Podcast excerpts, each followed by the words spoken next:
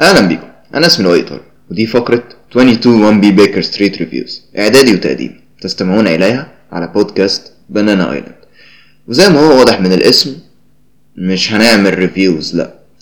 بس هنتكلم عن المسلسلات والسينما في حلقاتنا بشكل تحليلي أكتر.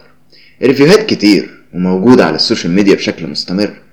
أنا هحاول قدر الإمكان في البرنامج دوت إن أنا أفصص معاكم كل shot كل جملة في المسلسلات والأفلام اللي هندردش فيها. مش عارف مين ساكن في عنوان 22 1 b Baker Street اللي مسمي على اسم الفقرة دي يبقى لازم تعرف عشان نبقى أصحاب مبدئيا كده. ده العنوان اللي شيرلوك هولمز وواتسون عايشين فيه. بعد ما عرفتك أنا سارق اسم الفقرة دي منين؟ جه الوقت اللي أعرفك فيه بنفسي طبعا. مفيش حاجة مهمة يعني هو مجرد شاب بيحب القصص والسينما بيكتب قصص وبيحب يكتب reviews وتعليقات وتحليلات عن الأفلام والمسلسلات اللي بيحبها.